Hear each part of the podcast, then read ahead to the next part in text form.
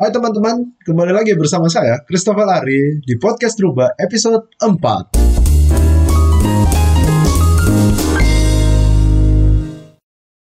Oke, welcome back guys. Dan pada hari ini, saya ingin berbicara mengenai topik yang agak berat, yaitu mengenai finance. Dan sebelum memulai topik pada hari ini, saya ingin disclaimer sedikit ya. Soalnya saya bukan seorang uh, expert, seorang seseorang yang sangat ahli di bidang ini dan saya ini hanya mengeluarkan berdasarkan opini pribadi saya. Jadi kalau seandainya ada yang menurut teman-teman berbeda, tidak apa-apa. Dan kalau misalnya menurut teman-teman ada yang menurut teman-teman salah, boleh tolong dikoreksi ya, nggak apa-apa. Saya hanya akan membagikan beberapa hal yang saya ketahui mengenai hal ini. Saya yakin uh, dalam beberapa menit dalam satu episode mustahil untuk menjelaskan berbagai macam hal mengenai personal finance dan juga bagaimana cara berinvestasi dan sebagainya. Jadi yang saya ingin jabarkan dalam podcast episode ini saya hanya ingin menjabarkan beberapa hal yang mungkin dan saya yang mungkin saya harapkan dapat membuat teman-teman menjadi lebih tertarik untuk mengatur keuangan dan juga merencanakan keuangan di masa depan. Oke. Okay? Okay. Jadi kadang-kadang hal pertanyaan yang harus muncul itu adalah uh, kenapa kita harus belajar finance gitu? Kenapa kita harus belajar mengatur keuangan pribadi gitu? Sebenarnya yang setelah saya pikir-pikir, pengaturan keuangan itu sebenarnya bukan hanya untuk yang bergelar di sarjana di bidang tersebut atau mungkin yang sudah dapat pelatihan khusus. Tapi menurut saya penguasaan keuangan pribadi itu adalah hal yang wajib untuk semua orang dan golongan terlepas dari pekerjaan apa pun itu, terlepas dari apa pun yang Anda lakukan, semuanya itu wajib untuk memiliki kemampuan penguasaan keuangan pribadi. Uh, saya juga memikirkan adalah karena banyak masalah hidup itu sebenarnya bersumber dari keuangan. Tak kekurangan uang atau kelebihan uang terlalu banyak. Dan berikutnya yang paling penting adalah uh, tidak peduli berapa banyak pun uang yang Anda miliki tanpa penguasaan diri dan ilmu keuangan, sebenarnya uang tersebut tidak akan pernah cukup. Oleh karena itu, mengapa orang-orang yang biasanya habis menang lotre atau uh, dapat uang yang tiba-tiba sangat banyak, biasanya mereka jika tidak mengetahui cara mengatur keuangan dengan benar, uh, uang tersebut akan hilang begitu saja dan mungkin akan hilang dalam waktu satu tahun, dua tahun atau mungkin rata-rata sih sekitar 5 sampai 10 tahun gitu. Nah,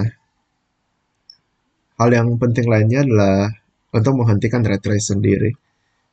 Red race sendiri ini sebenarnya mengacu pada perlombaan tanpa akhir yang terinspirasi dari seorang tikus yang mengejar ekornya sendiri.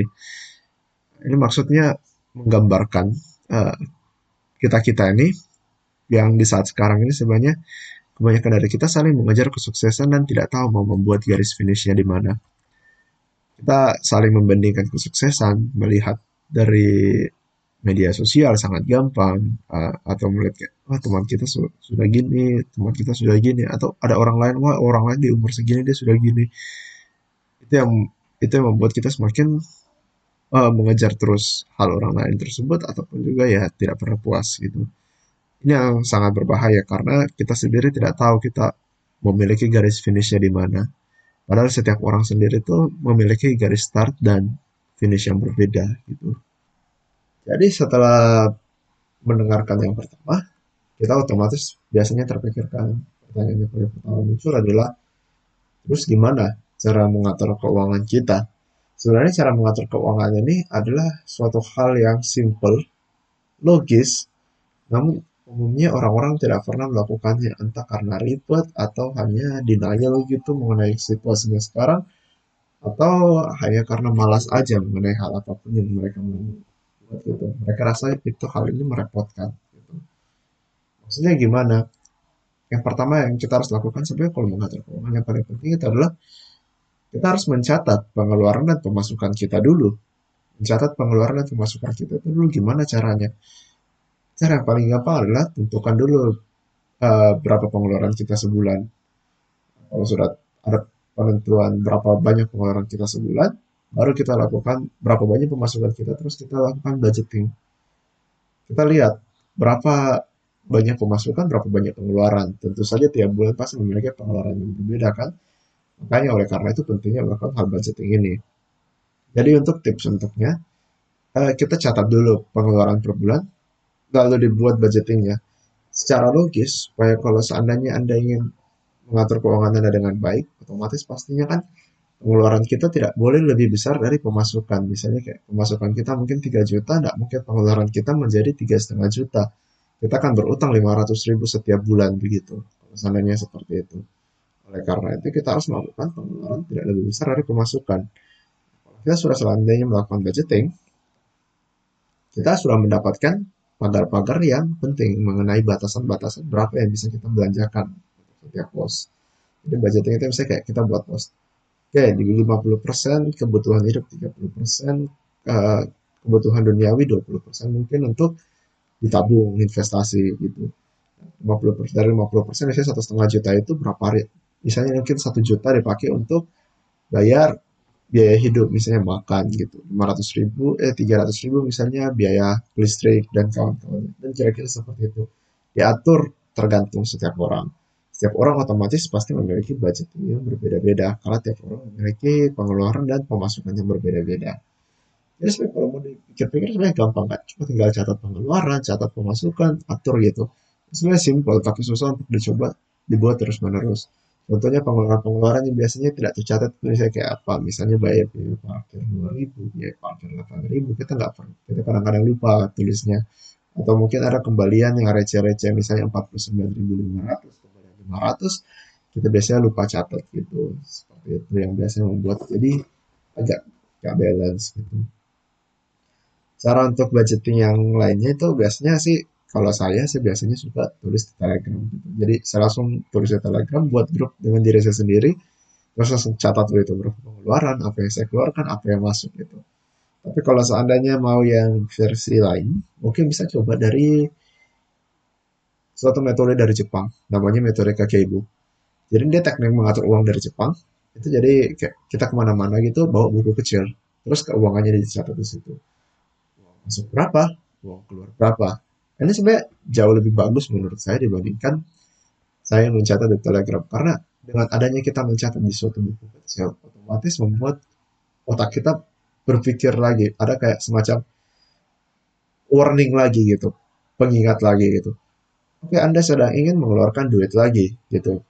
Nah, oleh karena itu jadinya kita jadi lebih memikirkan dua kali dua kali untuk mengeluarkan uang kayak gitu.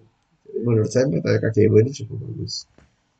Terus yang kita harus pikirkan yang saya katakan lagi adalah budgeting itu sebenarnya bukan cuma dilakukan sekali dan tidak mungkin dalam satu bulan Anda langsung bisa tahu oh ya budgeting saya berikutnya akan sangat-sangat ini. Karena budgeting akan berubah-ubah pasti tergantung situasi dan kondisi. Atau juga biasanya ada hal-hal pengeluaran yang mungkin kita cuma sekali setahun dan kita lupa anggarkan. Misalnya kayak servis mobil gitu. Atau misalnya ada hal-hal lain yang kita mungkin terkaget gitu misalnya tidak masuk atau hal yang baru gitu misalnya mungkin pengeluaran pas Natal dan lain-lainnya nah kita harus mengatur sesuai dengan situasi dan kondisi tapi paling enggak kalau kita sudah budgeting sebelumnya at least kalaupun juga memang mau meleset kita sudah memiliki gambaran mengenai pengeluaran-pengeluaran kita yang lainnya gitu kalaupun juga mau meleset diusahakan jangan meleset jauh-jauh sekali gitu oke okay? nah Kenapa kalau kita sudah mengatur budgeting kita, kita mungkin sedang berpikir adalah terus gimana langkah selanjutnya gitu. Saya ingin memperkenalkan yang namanya investasi. Investasi ini sendiri sebenarnya banyak hal yang bisa Anda investasikan gitu. Biasanya tapi yang paling sering sekarang yang lagi populer kan marak-marak itu investasi saham, investasi saham gitu. Karena sebenarnya investasi bukan cuma di saham aja. Gitu. Ada banyak hal di investasi saham, banyak instrumen, banyak instrumen investasi gitu maksudnya. Tapi sebelum kita masuk mengenai soal instrumen-instrumen investasi, mungkin yang pertama kita harus pikirkan itu adalah kenapa kita harus investasi. Jadi sebenarnya kalau ditanya kenapa kita harus investasi, yang paling pertama alasannya adalah karena ada inflasi gitu seberapa seberapa banyak pun uang yang Anda tabung sekarang, harganya pasti akan lebih lebih rendah di masa depan daripada uang yang Anda miliki sekarang. Contohnya, 10.000 di tahun 2020 ini bandingkan dengan 10.000 di tahun 1998 misalnya. Perbedaannya pasti akan terasa signifikan. atau mungkin dibandingkan dengan 1970 misalnya masih terasa sangat jauh. Dulu saya ingat pas waktu SD jajan saya aja cuma seribu rupiah itu saya sudah bisa beli snack. Sekarang snack yang paling murah itu mungkin sekitar 3000 sampai 5000 ribuan rupiah mungkin. Itu menandakan yang adanya inflasi gitu. Dan umumnya katanya kita baca inflasi setiap tahun itu mungkin sekitar 3 sampai 4 persen setahun. Seperti itu. Itu inflasi secara umumnya belum di inflasi-inflasi bagian sektorial Seingat saya, saya pernah baca mengenai inflasi di bagian pendidikan itu katanya sampai 10% per tahun. Seperti itu. Nah, hal lain yang membuat kenapa kita harus investasi adalah karena kita tentunya tidak ingin bekerja seumur hidup kita kan. Kita ingat pada saat kita tua, seperti yang orang-orang selalu impikan, duduk-duduk, tidur, masuk duit. Nah, itu pasti harapan kita semuanya. Dan investasi salah satu yang bisa membuat kita mencapai hal seperti itu. Mengapa bisa? Sebelum kita sampai ke situ, kita dengar cerita ya. Saya pernah baca suatu artikel soal mengenai kebahagiaan, hubungan antara uang dan kebahagiaan orang. Jadi pada umumnya, manusia itu akan lebih bahagia jika memiliki dua hal. Dua hal apa itu? Yang pertama adalah uang yang lebih dari yang dibutuhkan dan punya waktu luang Nah, ironisnya pada orang waktu sekarang, orang-orang sekarang itu pada umumnya memiliki hanya memiliki salah satu dari kedua hal ini. Dan hal itu tidak terlalu baik sebenarnya, tidak terlalu menyenangkan. Jika Anda memiliki banyak uang tapi tak punya waktu luang, uh, jadinya apa? Uh, memang betul, tidak semua hal di dunia ini memang harus materialistis, tapi Oke, okay, let's be real. Tanpa uang Anda tidak bisa memilih, tidak bisa melakukan mungkin banyak hal-hal yang baru. Dengan adanya uang, at least opsi-opsi apa saja yang Anda butuhkan itu bisa lebih terbuka ke sana kemari gitu. Anda bisa memilih mungkin sekarang untuk bermain golf atau berjalan-jalan ke Paris. Itu maksudnya dengan kalau ada uang. Nah, jika seandainya Anda memiliki uang yang banyak tapi tidak memiliki waktu luang, anggapan Anda memiliki sebuah rumah yang punya kolam renang, kolam renangnya itu yang mainin mungkin cuma pegawai rumah aja, rumah anda aja gitu. Karena anda nggak punya waktu untuk bermain di kolam renang tersebut. Nah atau kita lihat situasi kedua. Situasi kedua itu punya banyak waktu luang tapi nggak punya duit gitu. Akibatnya apa? Ya orangnya biasanya jadi nganggur bosan nggak tahu mau ngapain karena nggak punya resources juga gitu. Nggak punya uang yang cukup untuk melakukan hal-hal yang diinginkan gitu. Misalnya mungkin ada yang suka hobi traveling tapi nggak punya duit, jadinya berat gitu. Nah, memang betul semua hal di dunia membutuhkan uang.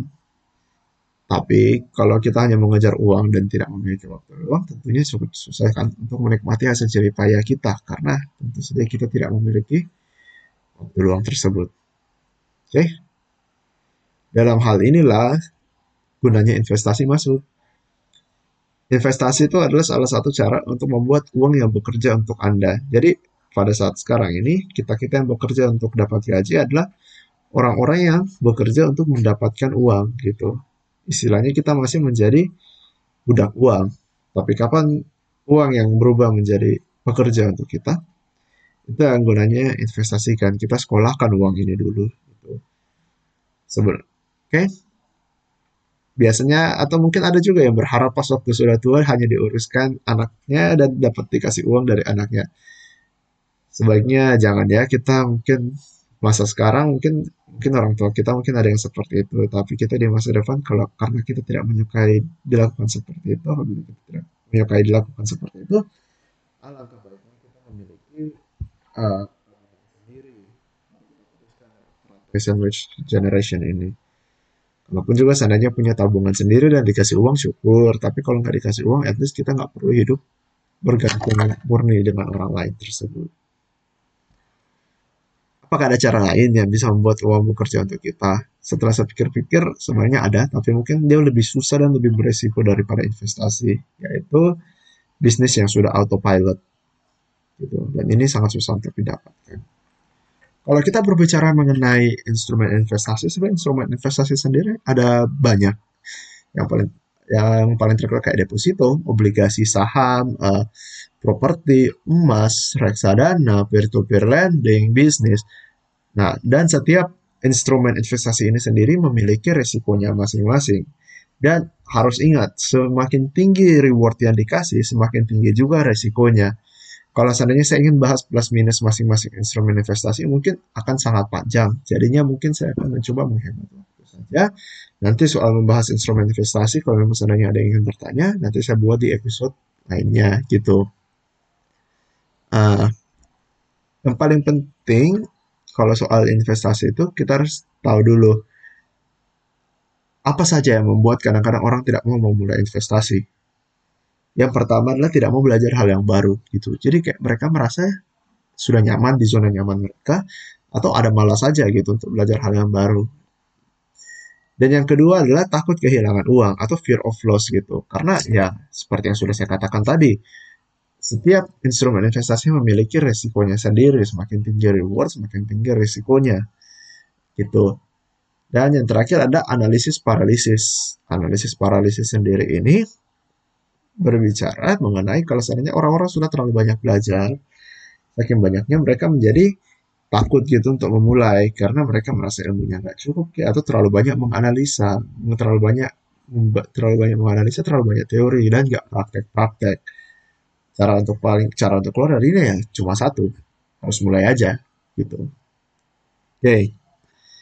Jadi sebelum memulai investasi saya ulangi sebelum memulai investasi langkah paling pertama yang kita harus lakukan adalah budgeting ingat saya sudah bilang ulang-ulang terus budgeting jadi yang pertama kalau kita budgeting catat pengeluaran, catat pemasukan, tentukan berapa persen yang Anda ingin gunakan. 50% biaya hidup, 20% investasi, 30% senang-senang, terserah. Mau bikin mungkin 60% biaya hidup, 70% biaya hidup, terserah. Itu tergantung dari gaji Anda dan berapa banyak pengeluaran Anda. Tidak, tiap orang itu pasti berbeda, tidak usah cemburu dan tidak usah iri. Nah, walaupun saya sih menyarankan semakin besar tabungan yang Anda yang bisa Anda tabung, semakin besar persentase tabungan Anda, semakin cepat Anda bisa mendapat memenuhi target investasi Anda gitu. Dan saya ulangi ini budgeting ini bersifat pagar ya. Pagar yang memperingatkan kita agar tidak offset dalam pengeluaran kita. Misalnya kira-kira kayak kalau misalnya kita lagi diet gitu kan kita biasanya suka ngitung kalori, berapa banyak kalori yang keluar, kira-kira berapa banyak kalori yang masuk dan menimbang berat badan gitu. Bagaimana berat badan kita sekarang. Kira-kira itu prinsipnya sama dengan budgeting gitu kita menghitung berapa pengeluaran kita, berapa pemasukan kita, dan sisa uang di saldo kita bagaimana. Kira-kira seperti itu budgeting. Oke, sudah budgeting. Terus apa yang harus kita buat? Nah, kalau kita sudah budgeting, berarti kita udah tahu kan berapa persen uang yang bisa digunakan, uang dingin yang bisa kita gunakan ya. Jangan menggunakan uang yang mungkin mau dipakai, misalnya kayak uang beli sayur Anda pakai beli anda pakai investasi jangan atau uang sekolah anak dipakai investasi jangan. Ini mesti uang dingin yang nggak tahu mau diapain cuma diendapkan. Nah, setelah berapa persen uang yang bisa digunakan, kita siapkan dulu dana darurat. Loh, dana darurat itu apa? Dana darurat itu dana yang digunakan dalam keadaan darurat. Atau ada yang bilang dana tersebut itu kayak dana kalau seandainya Anda dalam keadaan PHK atau tidak ada pemasukan, uh, dana tersebut yang menjadi penyelamatnya. Jadi biasanya ada yang tanya lagi, terus berapa banyak dana daruratnya?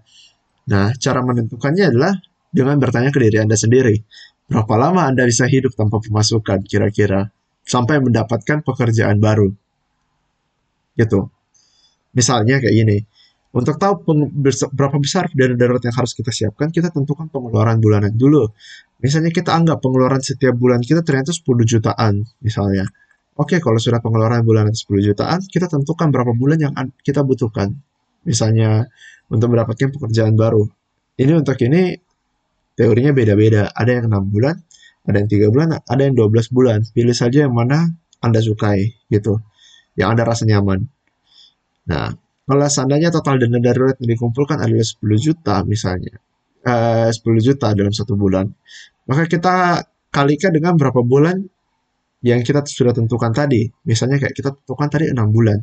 Jadi total dana darurat yang kita kumpulkan itu ada wajibnya adalah 60 juta. Oke, jadi 60 juta sudah jadi dana darurat kita. Kalau soal ada yang bertanya, pentingkah dana darurat ini? Ya, tergantung dari diri Anda sendiri yang menentukan apakah Anda tidak punya dana darurat atau bagaimana gitu. Tapi kalau menurut saya pribadi sih dana darurat ini sangat penting karena kita tidak pernah tahu apa yang bisa terjadi di masa depan gitu. Oke, sudah selesai menyiapkan dana darurat. Mbak, apa yang harus kita buat? Nah, itu yang harus kita buat ya. Berikutnya adalah tentukan gaya investasi kita. Terus saat itu profil resikonya apa gitu. Kita apakah profil resikonya kita yang konservatif, yang nggak suka, yang nggak bisa terlalu fluktuatif misalnya. Atau kita yang agresif misalnya, yang tidak pernah, yang tidak takut terhadap fluktuasi pasar gitu. Itu tentukan gaya investasi Anda. Terus habis itu yang terakhir adalah tentukan mau investasi di instrumen apa berdasarkan target investasi. Ingat tadi target investasi yang baik itu memiliki jumlah duit yang harus didapat dan juga jumlah waktu yang harus didapat. Oke. Okay? Kalau kita berbicara mengenai tujuan investasi, itu untuk menentukan tujuan investasi yang baik itu tergantung terhadap apa yang Anda inginkan. Jadi tentukan dulu seberapa besar duit yang Anda butuhkan. Misalnya kayak mungkin Anda ingin melanjutkan pendidikan dokter spesialis. Berarti target uang yang dibutuhkan adalah 600 juta misalnya dalam 10 tahun misalnya saya tidak tahu berapa besar pendidikan dokter spesialis. Dalam 10 tahun lagi saya mau masuk dokter spesialis. Berarti targetnya 600 juta dalam 10 tahun. Tentukan mau masuk di instrumen investasi apa lalu hitung berapa banyak uang yang dibutuhkan. Itu misalnya kayak mungkin dengan return 10% nanti berapa per tahun kira-kira butuh berapa tahun untuk saya bisa sampai di 600 juta kira-kira seperti itu.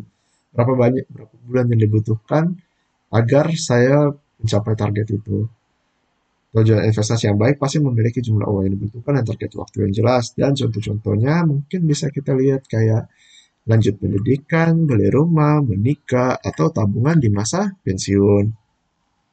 Ini bagian yang menarik dari investasi gitu. Kalau seandainya kita hitung-hitungkan, hitung-hitung biasa, misalnya 600 juta dalam 10 tahun, kira-kira berapa uang yang harus kita tabung setiap bulannya?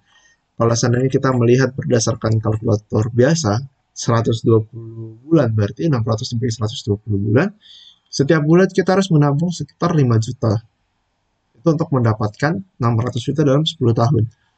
Ternyata dalam apabila kita melakukan investasi, misalnya eh, anggapan dengan investasi return 10% tiap tahun atau mungkin kita mau menggunakan yang lebih murah mungkin ya mungkin yang lebih rendah mungkin untuk orang-orang yang lebih kurang apa kurang agresif yang amat yang mau mencari aman-aman kita mungkin pakai yang sekitar 6% misalnya 6,5% per tahun itu ternyata jatuhnya per bulan jadi jauh lebih murah selisih satu setengah juta jadi kita cuma membutuhkan tiga setengah juta menabung setiap bulan dengan harapan return enam setengah persen tiap tahun.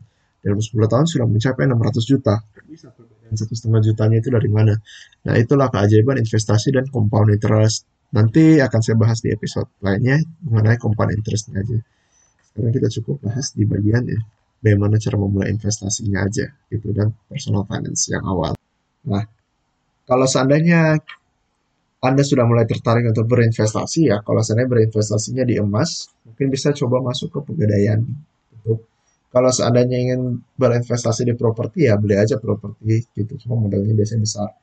Kalau deposito ya ke bank sendiri. Nah biasanya orang tanya itu bagaimana kalau misalnya saya ingin berinvestasi di saham misalnya. Nah kalau untuk memulai berinvestasi di saham gitu, kita bisa mulai mendaftar uh, di rekening sekuritas dulu. Jadi kalau ingin melihat daftar-daftar yang ada sekuritasnya, kita bisa cek di website IDX, Indonesian Stock Exchange itu. Di situ kita bisa lihat ada banyak rekening sekuritas di situ. Baca baik-baik tiap rekening sekuritas, karena masing-masing memiliki kelebihan dan kekurangan. Coba jangan lupa untuk cek fee-nya berapa tiap kali transaksi kah atau ada fee lain-lain yang tersembunyi. Baca perhatikan baik-baik sebelum membeli. Sama kayak kalau misalnya seandainya kalian mau pergi beli skincare kan biasanya suka cari reviewnya dulu gitu. Reviewnya bagus gak? Apa kelebihannya? Apa kekurangannya? Untuk apa ini? Nah sama, Anda ingin membuka rekening sekuritas, baca dulu baik-baik, pelan-pelan fee-nya apa, reviewnya bagaimana, apa kekurangannya gitu. Apakah bagus atau enggak. Kalau saya, saya ditanya contoh rekening-rekening sekuritas, ya saya paling kan akan berkata mungkin seperti kayak ada di Indonesia yang terkenal itu kayak IPOT, Mirai, ada BNI Sekuritas, ada Mandiri Sekuritas, ada Trimega Sekuritas. masih banyak juga sih banyak banyak di di Indonesia Stock Exchange itu websitenya nah kalau anda lebih memilih untuk reksadana reksadana sendiri bisa melalui sekuritas gitu. Yang tadi saya sebutkan atau bisa juga melalui APER atau agen penjual reksadana. Contoh agen penjual reksadana yang terkenal di Indonesia itu ada Bibit dan Bareksa gitu. Mereka tuh hanya agen penjual reksadana oke? Okay? tapi kalau seandainya anda ingin membeli reksadana jangan lupa membaca dan mengenai mengenali hal yang anda ingin beli gitu misalnya anda membeli reksadana ya perhatikan reksadana yang anda beli apakah reksadana pasar uang obligasi atau saham terus baca prospektusnya bagaimana fund fact sheetnya bagaimana dia invest ke apa-apa aja, perusahaan apa aja yang diinvest dan lain-lain gitu. Karena seperti yang kita ketahui adalah kalau reksadana itu kita cuma menitipkan uang kita ke manajer investasi dan manajer investasi yang investasikan uang kita gitu. Nah, kita kita harus baca juga manajer investasinya mau taruh uang kita di mana gitu supaya kita tahu apa yang kita beli. Oke. Okay? Nah, kalau seandainya untuk mengakhiri podcast ini, saya hanya ingin berkata beberapa tips yang harus dibawa pulang. Ingatlah, segala sesuatu itu datang dengan suatu risiko. Jadi semakin tinggi reward yang diberikan, semakin tinggi juga risikonya. Oleh karena itu jangan pernah tergiur dengan investasi yang mengatakan bahwa uh, dia punya risiko sangat rendah tapi reward yang diberikan sangat tinggi gitu. Kayak investasi satu juta dalam satu bulan dapat satu juta lagi, wah itu berarti 100% dia punya reward. Itu bukan cuma hati-hati lagi, bukan cuma baca kabur aja dari situ. Karena kenapa? Kalau memang seandainya sangat bagus, sangat luar biasa seperti itu, ya semua orang tinggal kerja barang itu ya semuanya bakal kaya gitu. Gak, gak mungkin ada yang sebagus itu dan mereka membuat membukanya ke muka umum gitu. Contohnya yang kayak lalu itu ada aplikasi yang terkenal yang kayak Goings dan Alimama gitu. Pertama kali keluar semuanya bilang, oh my god, cuma like-like foto doang bisa setiap hari dapat 35 ribu dalam satu bulan kembali itu harga modal 600 ribu. Emang betul ada yang kembali. Cuma ternyata setelah itu sistemnya kolaps gitu. Itu ya, it's too good to be true gitu. Terlalu tinggi, itu too good to be true. Terlalu bagus untuk jadi kenyataan gitu guys. Jadi harus perhatikan, semakin tinggi resiko, semakin tinggi rewardnya juga gitu. Harus sebanding. Nah, berikutnya lagi adalah investasi lah di tempat yang Anda kuasai. Tadi saya sudah mengatakan ada begitu banyak instrumen investasi. Belajarlah investasi dari hal-hal yang Anda kuasai gitu. Jangan langsung loncat ke yang paling seram misalnya kayak saham atau bisnis gitu. Pelan-pelan gitu, belajar pelan-pelan. Jadi kita harus juga banyak bersabar. Nah, bicara soal belajar, kita harus ingat bahwa belajar itu harus terus-terusan belajar. Saya mengatakan hal seperti ini terdengar kayak sok-sokan dan seakan-akan kayak saya pro aja gitu. Padahal sebenarnya enggak. Saya hanya kebetulan aja dengar barang dengar barang ini mungkin lebih sering atau kebetulan aja dapat buku-buku yang saya dapat itu tentang ini doang. Jadinya mungkin saya lebih duluan tahu. Tapi kalau dari teman-teman juga ada yang lebih tahu nggak apa-apa silakan memberikan feedback saya siap menerima kalaupun ada yang bisa diambil syukur jadi kita harus tetap belajar, oke? Okay? Baik dari hal baru maupun kesalahan sendiri kayak atau dari kesalahan orang lain atau dari mentor-mentor kita gitu. Terus ingat, jangan offset dari budgeting. Ini yang paling penting karena dasar dari kekayaan itu adalah bagaimana kita bisa hidup lebih kecil dari pemas dari pemasukan kita. Pengeluaran kita lebih kecil dari pemasukan kita. Cara untuk menjadi kaya adalah melakukan pengeluaran lebih kecil dari pemasukan kita dan cara untuk menjadi miskin adalah melakukan pengeluaran yang lebih besar dari pemasukan kita. Logikanya simple, tapi ini sangat sering banyak orang yang salah lakukan. Dan tips terakhir yang saya harus katakan adalah mulailah berinvestasi. Oke? Okay? Oke, jadi sekian dari podcast episode kali ini. Semoga ada yang bisa dibawa pulang dan semoga ada yang bisa dipelajari teman-teman saya, sekali lagi saya ingatinnya, saya bukan seorang ekspertisi di bidang keuangan atau seseorang yang sangat kaya raya atau bagaimana. Saya cuma kebetulan aja dapat bacaan tentang ini dan menurut saya ini sangat penting untuk diberitahukan kepada teman-teman sekalian. Semoga apabila teman-teman ada yang tertarik atau mungkin ada yang mau bertanya lebih lanjut dan saya bisa jawab, akan saya bantu jawab gitu. Kalau tidak juga, Nanti kita cari sama-sama jawabannya. Kalau seandainya ada yang mau diperbaiki, silakan supaya tidak menimbulkan kesesatan bagi orang-orang sekitar. Oke, okay? jadi selamat menabung. Semoga kita di masa depan semuanya menjadi sukses. Oke, okay? don't forget to have fun and cheers guys.